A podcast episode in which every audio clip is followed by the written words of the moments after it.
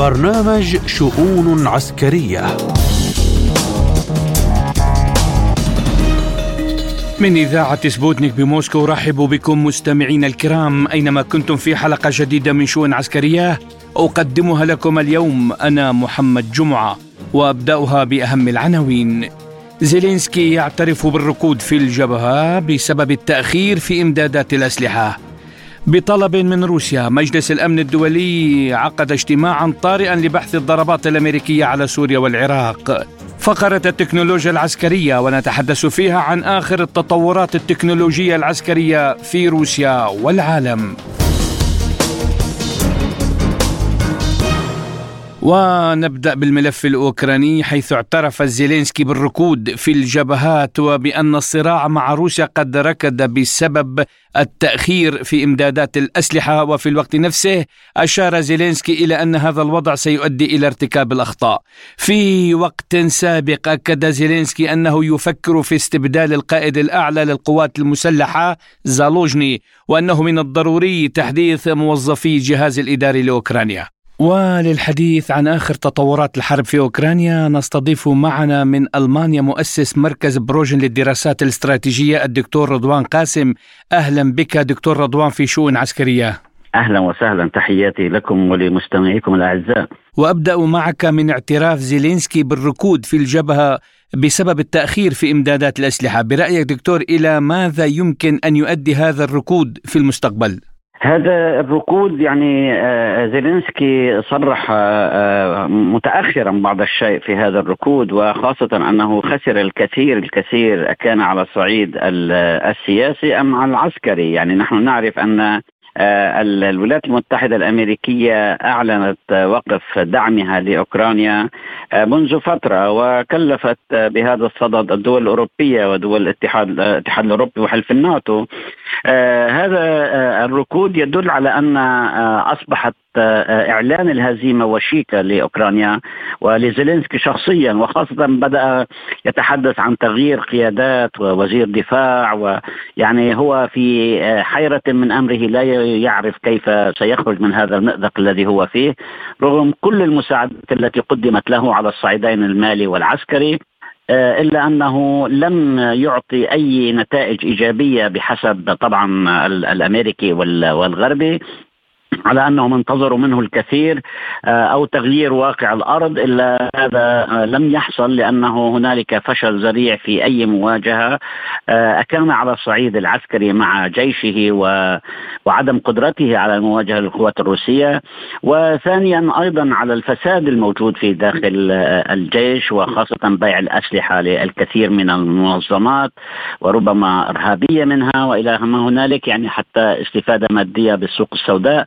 هذا كله دل على أن آه، الأوكراني الجيش الأوكراني وعلى رأسه زيلينسكي غير قادر على تغيير واقع الأرض آه، مما جعل بعض الدول آه، تتخلى أو تترك يعني تعطي ظهرها لأوكرانيا.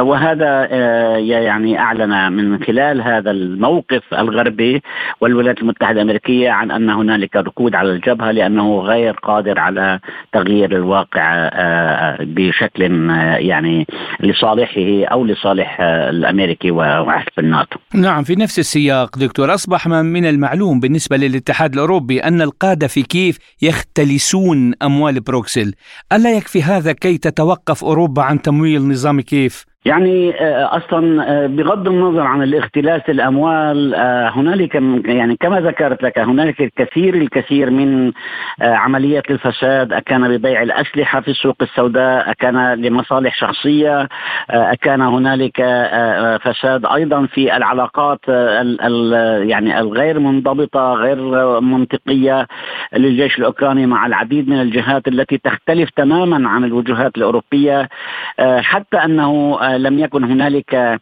أي أي عمل عسكري فعلا يجعل من هذه الدول آه، يعني تصبو إلى أو تصل إلى ما تصبو إليه. رغم ذلك ما زالت هذه الدول أو خليني أقول بعض الدول منها ما زالت على آه، عنادها ما زالت على يعني دعم لأوكرانيا. هذا ليس من خلال القناعة أن أن أوكرانيا ستريد يعني تحرير أرضها بين هلالين كما يعبرون. لكن أو أو لمواجهة روسيا. لكن هذا ضغط من الولايات المتحدة الأمريكية. وكما أشرنا أن جو بايدن أعلن أنه لم يعد قادرا على تأمين المبالغ الكبيرة كالذي حصلت سابقا أو حتى بالنسبة للسلاح فترك الأمر على الأوروبيين وضغط عليهم أن يستمروا في هذا الدعم. وراينا مؤخرا موضوع ال 50 مليار يورو التي تحفظت هنغاريا عليه إلا أنهم أتوا بصيغة جديدة بحيث أنه آه، كان المبلغ مقسم على نوعين نوع آه، كقروض آه، طويلة الأمد ونوع ك يعني هدية أو كمساعدة دون أن تعيدها أوكرانيا لكن هذه المساعدة مقسطة على عدة دفعات. هذا يعني أنهم بدأوا يشعرون بأزمة حقيقية بدون الدعم الأمريكي آه، هم غير قادرين على الاستمرار لكن تحت الضغوطات الأمريكية مضطرين على فعل ذلك إلا أن بعض هنالك بعض الدول ما زالت مصرة على هذا الدعم. وإن علمت أيضا يعني وهي موافقة أنه لا يمكن أن يكون هنالك أي نتيجة لهذا الدعم. آه، وخاصة نحن على مشارف النهاية من هذه الحرب يعني الكثير الكثير من المناطق التي حررها حررتها القوات الروسية لم تعد قابلة للعودة. يعني هذا أمر يعني شبه مستحيل إذا لم نقل مستحيلا. آه، فلهذا السبب آه، بعض الدول الأوروبية ما زالت مصرة هذا عنادا بروسيا وليس دعما أو محاولة محبة بأوكرانيا أو أو أملا بأن أوكرانيا أو بزيلينسكي أن يغير الواقع على الأرض. آه، هذا الحقد وهذا يعني هذه السياسة والتبعية للولايات المتحدة الأمريكية هي التي جعلت من بعض الدول على ما زالت مصرة على الدعم إلا أن الكثير من الدول الأوروبية بدأت تتراجع في سياساتها وخاصة أن العديد من الدول الأوروبية تعيش أزمات حقيقية أزمات اقتصادية أزمات عسكرية يعني حتى المخازن لها آه، خوت من الذخائر والمعدات التي قدمت لأوكرانيا دون أي نتيجة. نعم تحدثت عن الإصرار الأوروبي. نعم وفي هذا السياق ألمانيا تعتقد أن أوكرانيا سوف تضطر إلى تعبئة المزيد من الجنود. طيب إذا فشلت أوكرانيا في الاطلاع بهذه المهمة برأيك هل تعتزم الدول الأوروبية إرسال قواتها إلى هناك؟ اذا فشلت لا أنا أؤكد لك أنها ستفشل يعني هذا أمر حتمي. يعني إذا إذا خلال سنتين لم تستطع أوكرانيا أن أن تغير واقع حتى متر واحد على الأرض بل تخسر المزيد من المساحات وتنهزم يوما بعد يوم أمام الجيش الروسي. فلا يمكن لها خلال شهور بسيطة أن تغير هذه المعادلة رغم أنهم قدموا لها الصواريخ والعتاد الحديث وصواريخ بعيدة المدى. ورأينا آخره ضربة المخازن المخبز المدني. آه، هذا نتيجة الصواريخ التي قدمت ورغم ذلك لم يستطيعوا أن يغيروا شيء في واقع على واقع الأرض وفي الواقع العسكري. آه، لكن آه، أنا ما أريد أن أقوله اليوم الدول الأوروبية حتى التي تدعم أوكرانيا ومصرة على هذا الدعم منها ألمانيا أيضا للأسف الشديد اليوم يعيشون يعني حتى لا أقول للأسف لأنه هذا هو الواقع الذي يعني هم جلبوا لأنفسهم هذه المصائب المصائب يعني الاقتصادية والسياسية والعسكرية وغير ذلك من خلال هذه السياسات التي يتبعونها والتبعية للولايات المتحدة الأمريكية اليوم يرتعدون خوفا من وصول ترامب إلى سدة الحكم في البيت الأبيض. ورأينا بالأمس الحديث بدأ في الناتو عن مصير الناتو فيما لو وصل ترامب إلى سدة الحكم ونجح في الانتخابات. هذا يدل على أن مصير الناتو ومصير الدول الأوروبية في في المجهول من خلال هذه السياسات التي يتبعونها آه، يعني لديهم آه، يعني أمامهم عدة أشهر بسيطة لوصل للوصول إلى الانتخابات الأمريكية. يعني هل سيتغير المسار العام لمساعدة أوكرانيا من قبل الولايات المتحدة إذا فاز دونالد ترامب برأيك؟ بالتأكيد هذا أمر يعني هذا أمر مؤكد حتى الرئيس ترامب هو نفسه صرح بهذا الموضوع بل صرح في معاقبة الذين يدعمون يعني آه، أوكرانيا ويدعمون زيلينسكي بهذه الطريقة يقولون ولا يفعلون. حقيقة دكتور يقولون ولا يفعلون ويفعلون ما لا يقولون. يعني ما نسمعه اليوم لا لا لا يجب أن يكون مؤكدا غدا. يعني شكرا جزيلا لك دكتور مؤسس مركز بروج للدراسات الاستراتيجية الدكتور رضوان قاسم. كنت معنا ضيفا عزيزا في شؤون عسكرية. شكرا لكم. وفي ملفنا التالي عقد مجلس الأمن الدولي اجتماعا طارئا بطلب روسي لبحث الضربات الأمريكية الأخيرة على سوريا والعراق ردا على مقتل ثلاثة من جنودها بهجوم في الأردن. كانت الولايات المتحدة الأمريكية قد استهدفت أكثر من 85 هدفا قالت إنها تابعة لقوات الحرس الثوري الإيراني والتشكيلات المرتبطة بها في العراق وسوريا. كجزء من الضربات الانتقامية على هجوم جرى ضد قاعدتها العسكرية في الأردن في وقت سابق. شنت الطائرات الأمريكية هجمات على عدد من المواقع في البادية والحدود السورية العراقية وضد أهداف مرتبطة بفيلق القدس التابع للحرس الثوري الإيراني وجماعات مسلحة تابعة له باستخدام العديد من الطائرات التي تضم قاذفات بعيدة المدى انطلقت من الولايات المتحدة.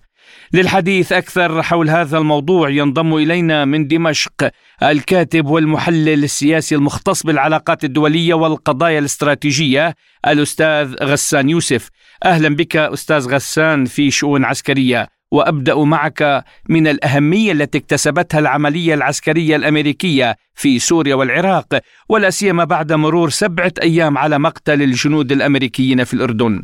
آه، طبعا يعني آه، اولا هي عملية عسكرية آه، ثانيا يعني استخدمت فيها أحدث الطائرات الأمريكية ثالثا هذه العملية أدت إلى ضرب مواقع يعني لفصائل عراقية وسوريا وبالتالي يعني هي تعتبر عملية عسكرية مؤلمة.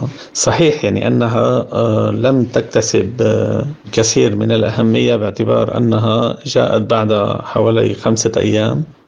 أو ستة أيام. وبالتالي تستطيع هذه الفصائل مثلا أن تغير من أماكنها أن تموه أن تنقل الكثير من الذخيرة وأن تخبئ يعني آه، المخزون الاستراتيجي. لكن في النهاية يعني هذه ضربة تحذيرية تريد الولايات المتحدة منها أولا حفظ ماء الوجه أمام شعبها والقول بأنها لن تسمح بالاعتداء على قواتها. والأمر الآخر يعني هو أنها ستعيد هذه الضربات في حال تكررت الضربات على جنودها في المستقبل ولذلك رغم أنها لم تكن يعني موجعة كما يرى البعض لكنها بنفس الوقت يعني تعتبر ضربات تحذيرية بشكل كبير. بعد الضربات أستاذ غسان آه، على العراق وسوريا، هل ستنجح واشنطن بمنع استهداف قواعدها في الشرق الأوسط برأيك؟ أنا أعتقد يعني هذا السؤال من الصعب الإجابة عليه وأيضا من الصعب لأي فصائل أن تمتنع يعني عن مهاجمة قواعد الولايات المتحدة المتواجدة سواء في العراق أو سوريا أو في أي مكان من العالم لأسباب عدة لأن الولايات المتحدة يعني دولة ليس لها أصدقاء هذا من جهة من جهة أخرى آه، أعتقد بأن يعني الحياد آه، أو لنقل التأييد المطلق آه، إسرائيل جعل الكثير من دول العالم ومن حركات المقاومة ومن الذين يرون أفعال إسرائيل في الإبادة الجماعية يتحركون. ليس في سوريا والعراق فقط وإنما في جميع أنحاء العالم لأنهم يعتقدون أن إسرائيل لم تكن لتقم بما تقوم به لولا يعني الدعم الأمريكي الواضح من خلال السلاح والمال ومنع إصدار قرار وقف إطلاق النار في مجلس الأمن. وهل لهذه الضربات الأمريكية البريطانية بعد سياسي أم انتقامي ردعي؟ أم الاثنان معا؟ أنا برأيي يعني طبعا يعني هو يحمل آه، هدفين. الهدف الأول هو الردع وكما قلت لك يعني تريد الولايات المتحدة أن تردع أي حركة مقاومة أو أي دولة يعني تتصدى لها ولوجودها في هذه البلدان. والانتقام الانتقام موجود. لماذا؟ يعني لأن يعني تعتبر هي بأن يعني سقط لها جنود. آه، وتريد أن تنتقم لهم. ولكن هي بشكل عام يعني الولايات المتحدة وبريطانيا باعتبارها يعني دول استعمارية والآن تعيش مرحلة الاستعمار الحديث. تريد أن تنتقم من كل الشعوب التي ترى أنها تتطلع للحرية تتطلع مثلا للأمن تتطلع لازدهار الصناعة آه، لأن يكون لديها حياة كريمة كسائر الشعوب والبلدان الأخرى. هي لا تنظر إلى دول العالم الثالث بأنها يجب أن تعيش كما بقية الدول. وما هي المكاسب الانتخابية التي سيحققها بايدن بهذه العملية العسكرية؟ أنا لا أعتقد يعني على عكس ما يرى المحللون لا أعتقد يعني أن هذه الضربات ستزيد من شعبية بايدن. المسألة الأمريكية يعني وخصوصا في الانتخابات الرئاسية هي مسألة داخلية. وهذه الضربات لن تزيد من شعبية بايدن ولن تؤثر على العملية الانتخابية. وأعتقد يعني أن الناخب الأمريكي سينظر إلى آه، الرئيس بايدن إلى صحته العقلية إلى عمره آه، إلى إنجازاته الداخلية. آه، هل يستطيع يعني أن يقود البلاد في المرحلة القادمة؟ وهو الذي يوصف الآن بأنه أصبح خريفا وهرما وفاقد للذاكرة وبأنه يمشي بتساقل ولا يستطيع أن يقود البلاد. ويعني ترك الكثير يعني من مساعديه هم الذين يتحكمون بالقرارات. أعتقد هذا ما سيؤثر على العملية الانتخابية. ربما ربما يكون لها تأثير عكسي بأن يستغلها ترامب وأن تكون لصالح ترامب. يعني وأن يقول ترامب لو كنت أنا لفعلت كذا وكذا وبأن بايدن ضعيف ولا يستطيع القيام بذلك. وسمعنا يعني هذه الأصوات الجمهورية التي تنتقد هذه الضربات وتقول أنها جاءت متأخرة وغير فعالة وليس لها أي تأثير وهي تحابي إيران وغير ذلك. أستاذ غسان أختتم معك بسؤال عن طلب روسيا لمجلس الأمن الدولي أن يعقد اجتماعا طارئا لبحث الضربات الأمريكية على سوريا والعراق، ماذا يمكن أن ننتظر من هذا الاجتماع؟ مجرد إثارة هذا الموضوع وعقد جلسة لمجلس الأمن آه، شيء جيد يعني لأن يعني الدول الكبرى ستستطيع أن تعبر عن مواقفها وخصوصا روسيا والصين وبعض الدول الصديقة لسوريا والعراق وإيران. ولكن لا أعتقد يعني أن يكون هناك أي نتيجة من هذا الاجتماع. يعني لن يكون هناك اتفاق. ستستخدم مثلا الولايات المتحدة وبريطانيا وفرنسا حق النقد الفيتو. لن يكون هناك قرار بالانسحاب من سوريا مثلا أو الانسحاب من العراق. أعتقد بأن الوضع في سوريا معقد كثيرا خصوصا يعني أن الولايات المتحدة آه، يعني دخلت إلى سوريا لتحقيق عدة مكاسب وعدة أهداف. أولا يعني إقامة قواعد أمريكية في هذا البلد. آه، ثانيا تقسيم سوريا. ثالثا حماية إسرائيل. يعني رابعا آه، أن تكون يعني على صلة مع الدول الأخرى التي تريد أن تقسم سوريا كتركيا وإسرائيل. ولذلك يعني أرى بأن الطريق الوحيد يعني لجعل الولايات المتحدة تخرج هو المقاومة ولو كانت تكلف أثمانا غالية. الكاتب والمحلل السياسي المختص بالعلاقات الدولية والقضايا الاستراتيجية الأستاذ غسان يوسف كنت معنا ضيفا عزيزا في شؤون عسكرية. شكرا لكم. وللحديث عن هذا الموضوع ينضم إلينا من بغداد الخبير الاستراتيجي العراقي الدكتور هيثم الخزعلي. أهلا بك دكتور هيثم في شؤون عسكرية وأسألك عن تداعيات هذا التصعيد الأمريكي على سوريا والعراق الذي جاء بعد أن شرعت الحكومة العراقية بتفعيل التهدئة بين القوات الأمريكية وفصائل المقاومة العراقية وأيضا التنسيق المشترك بخصوص انسحاب القوات الأمريكية من العراق. يعني كانت الحكومة العراقية قد شرعت بموضوع آه، بين بعض الفصائل العراقية وبين الولايات المتحدة الأمريكية. ولكن هذا الاعتداء الأمريكي الذي يعتبر انتهاك لسيادة العراق آه، أنهى هذه آه، التهدئة وبدأ غد أيضا من قبل الفصائل العراقية باستهداف مواقع أمريكية ثلاث قواعد بالأمس. أعتقد إن الولايات المتحدة استمرت بهذا النهج العنصري سوف يتسع نطاق المعركة خصوصا إنها أدخلت بعض دول المنطقة في الصراع الأردن شاركت في الهجمات والامارات فتحت قواعدها والصراع إذا وصل إيه، سوف ربما يهدد مسار أكثر من ثلث مصادر الطاقة التي تخرج من منطقة غرب آسيا. الحكومة العراقية دخلت في مفاوضات مع التحالف وشكلت لجنة عسكرية عليا لمناقشة إجراءات انسحابه من العراق وفي حال بقائه آه، بهذا الأسلوب أعتقد إن كل قواعد التحالف سوف تستهدف ولن تستهدف فقط القواعد الأمريكية. دكتور هيثم لماذا واشنطن تدعي أنها أبلغت العراق مسبقا بطبيعة الرد الذي ستقوم به؟ الحكومة العراقية كذبت هذا الادعاء الأمريكي وقالت لم يكن لدينا علم وهذا انتهاك صارخ واستدعت القائم بالأعمال الأمريكي وسلمته مذكرة آه، احتجاج وأكدت طلبها على خروج قوات التحالف من الأراضي العراقية لأنها أصبحت مزعزعة للأمن والاستقرار في العراق وما هي الرسائل الداخلية التي أراد أن يرسلها بايدن للشعب الأمريكي بهذه العملية العسكرية؟ أهم الرسائل موجهة للداخل الأمريكي الرئيس بايدن يريد أن يعطي رسالة للداخل الأمريكي بأنه إدارته آه، قوية خصوصا الذين قتلوا هم من الأمريكان الأفارقة.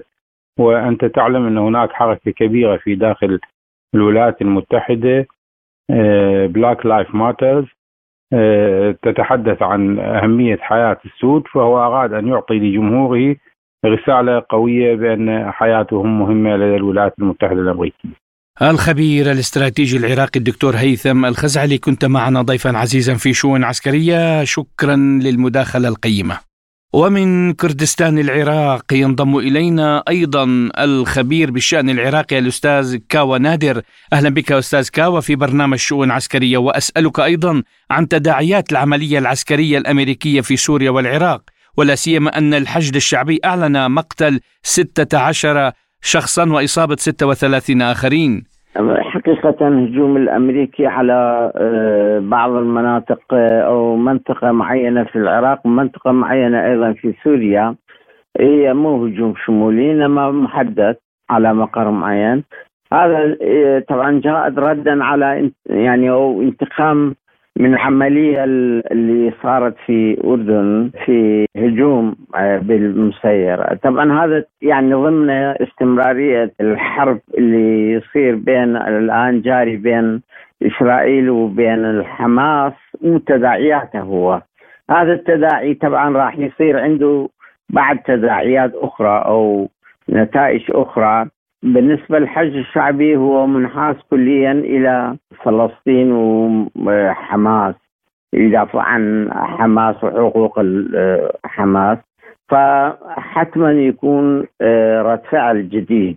طبعا هذه آه، من ناحية. من ناحية ثانية أنه هجوم جاءت في وقت بأنه الأمريكان الأغلب آه، العراقيين والسوريين يطلبون من قوات أمريكية مغادر أراضيها فضرب المواقع العراقية وضرب مواقع سوريا معناتها آه، أن أمريكا تبقى في المنطقة يعني هي رسالة أنه راح تبقى في المنطقة ولم يغادر المنطقة. ثالثا راح حتما راح يعني يزيد الصراع ويزيد المشاكل في المنطقة والتوترات في المنطقة. هذه التوترات راح تتوسع جغرافيا طبعا قصدي. يتوسع جغرافيا الصراع فالتداعيات يكون يعني تشمل مناطق أكثر من الشرق الأوسط. وفي حين المنطقة تحتاج إلى محاولة إيقاف الحرب بين حماس وإسرائيل. وتحتاج إلى أكثر يعني مشاركة كليا في عملية الاستقرار المنطقة وليس في توترات المنطقة. واشنطن أبلغت إيران والعراق مسبقا بطبيعة الرد الذي ستقوم به، كيف كان رد العراق أستاذ كاوا للحيلولة طبعا دون تنفيذ هذه الضربات؟ تبليغ العراقيين يكذبون الأمريكان إنه لم يسبق لم يبلغهم. وحتما يعني من ضمن العملية إنه نقدر نتخمن إنه أو نتصور بأنه الأمريكان لم يبلغوا العراقيين لأنه إذا تبليغ العراقيين معناته العراق حتى المشاركة فيها. إحنا نعرف حكومة السيد السوداني يعني يحاول إنه التوترات يقللها لكنه آه، لم يبلغ بها. وأنا بحسب تصوري آه، أمريكان يعني راح يوسعون الضربات أكثر فيأثر على العراقيين. والعراقيين آه، لا حول لهم ولا قوة لأنه أمام الهجمات الأمريكية لم يستطيعوا غير لم يستطيعوا غير غير أنه يبلغ الأمم المتحدة والأمم المتحدة مثل ما شاهدناه البارحة عندما ناقشوا الموضوع لم يأتوا بأي نتيجة أو بأي قرار بأي شيء. فكل شيء تحت سيطرة القوة والقوى الأمريكية في المنطقة يتزايد أكثر وحتما راح يؤدي إلى مزيد من التوترات والتوسع في الصراع.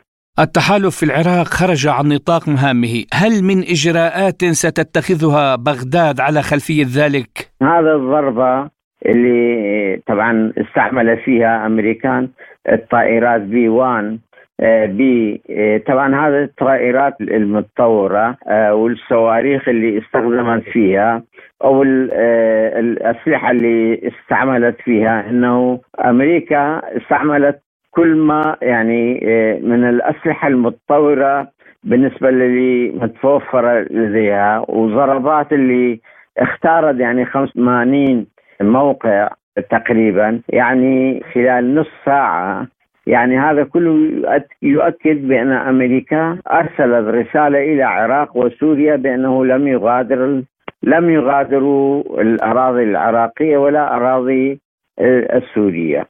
آه ثانيا إن أمريكا مستعدة على توسع آه مزيد من التوترات في المنطقة، توسع آه، قصدي في الجغرافي، توسع الجغرافي للصراع الموجود حاليا في الشرق الأوسط. وأيضا آه، إن قوة هو الحل وليس القانون القانون الدولي. آه، هاي الضربات اولا لم يستطع العراقيين أن يفعلوا شيئا غير مراجعة الامم المتحده والأمم المتحدة كما نعرف لأنه أسير قرارات أسير للقرارات الدول الكبرى وهاي الدول أغلبها متعاطفة مع أمريكا حاليا. آه، لم يستطيعوا أن يعملوا شيئا والعراقيين ليس لديهم أي شيء فعلوه ولا إسرائيل وأمريكا ليس آه، في نيتهم أن يحترموا لا قانون الدولي ولا إرادة الشعوب آه، ولا التعايش السلمي في المنطقة. الخبير بالشأن العراقي الأستاذ كاوى نادر كنت معنا ضيفا عزيزا في شؤون عسكرية شكرا لكم.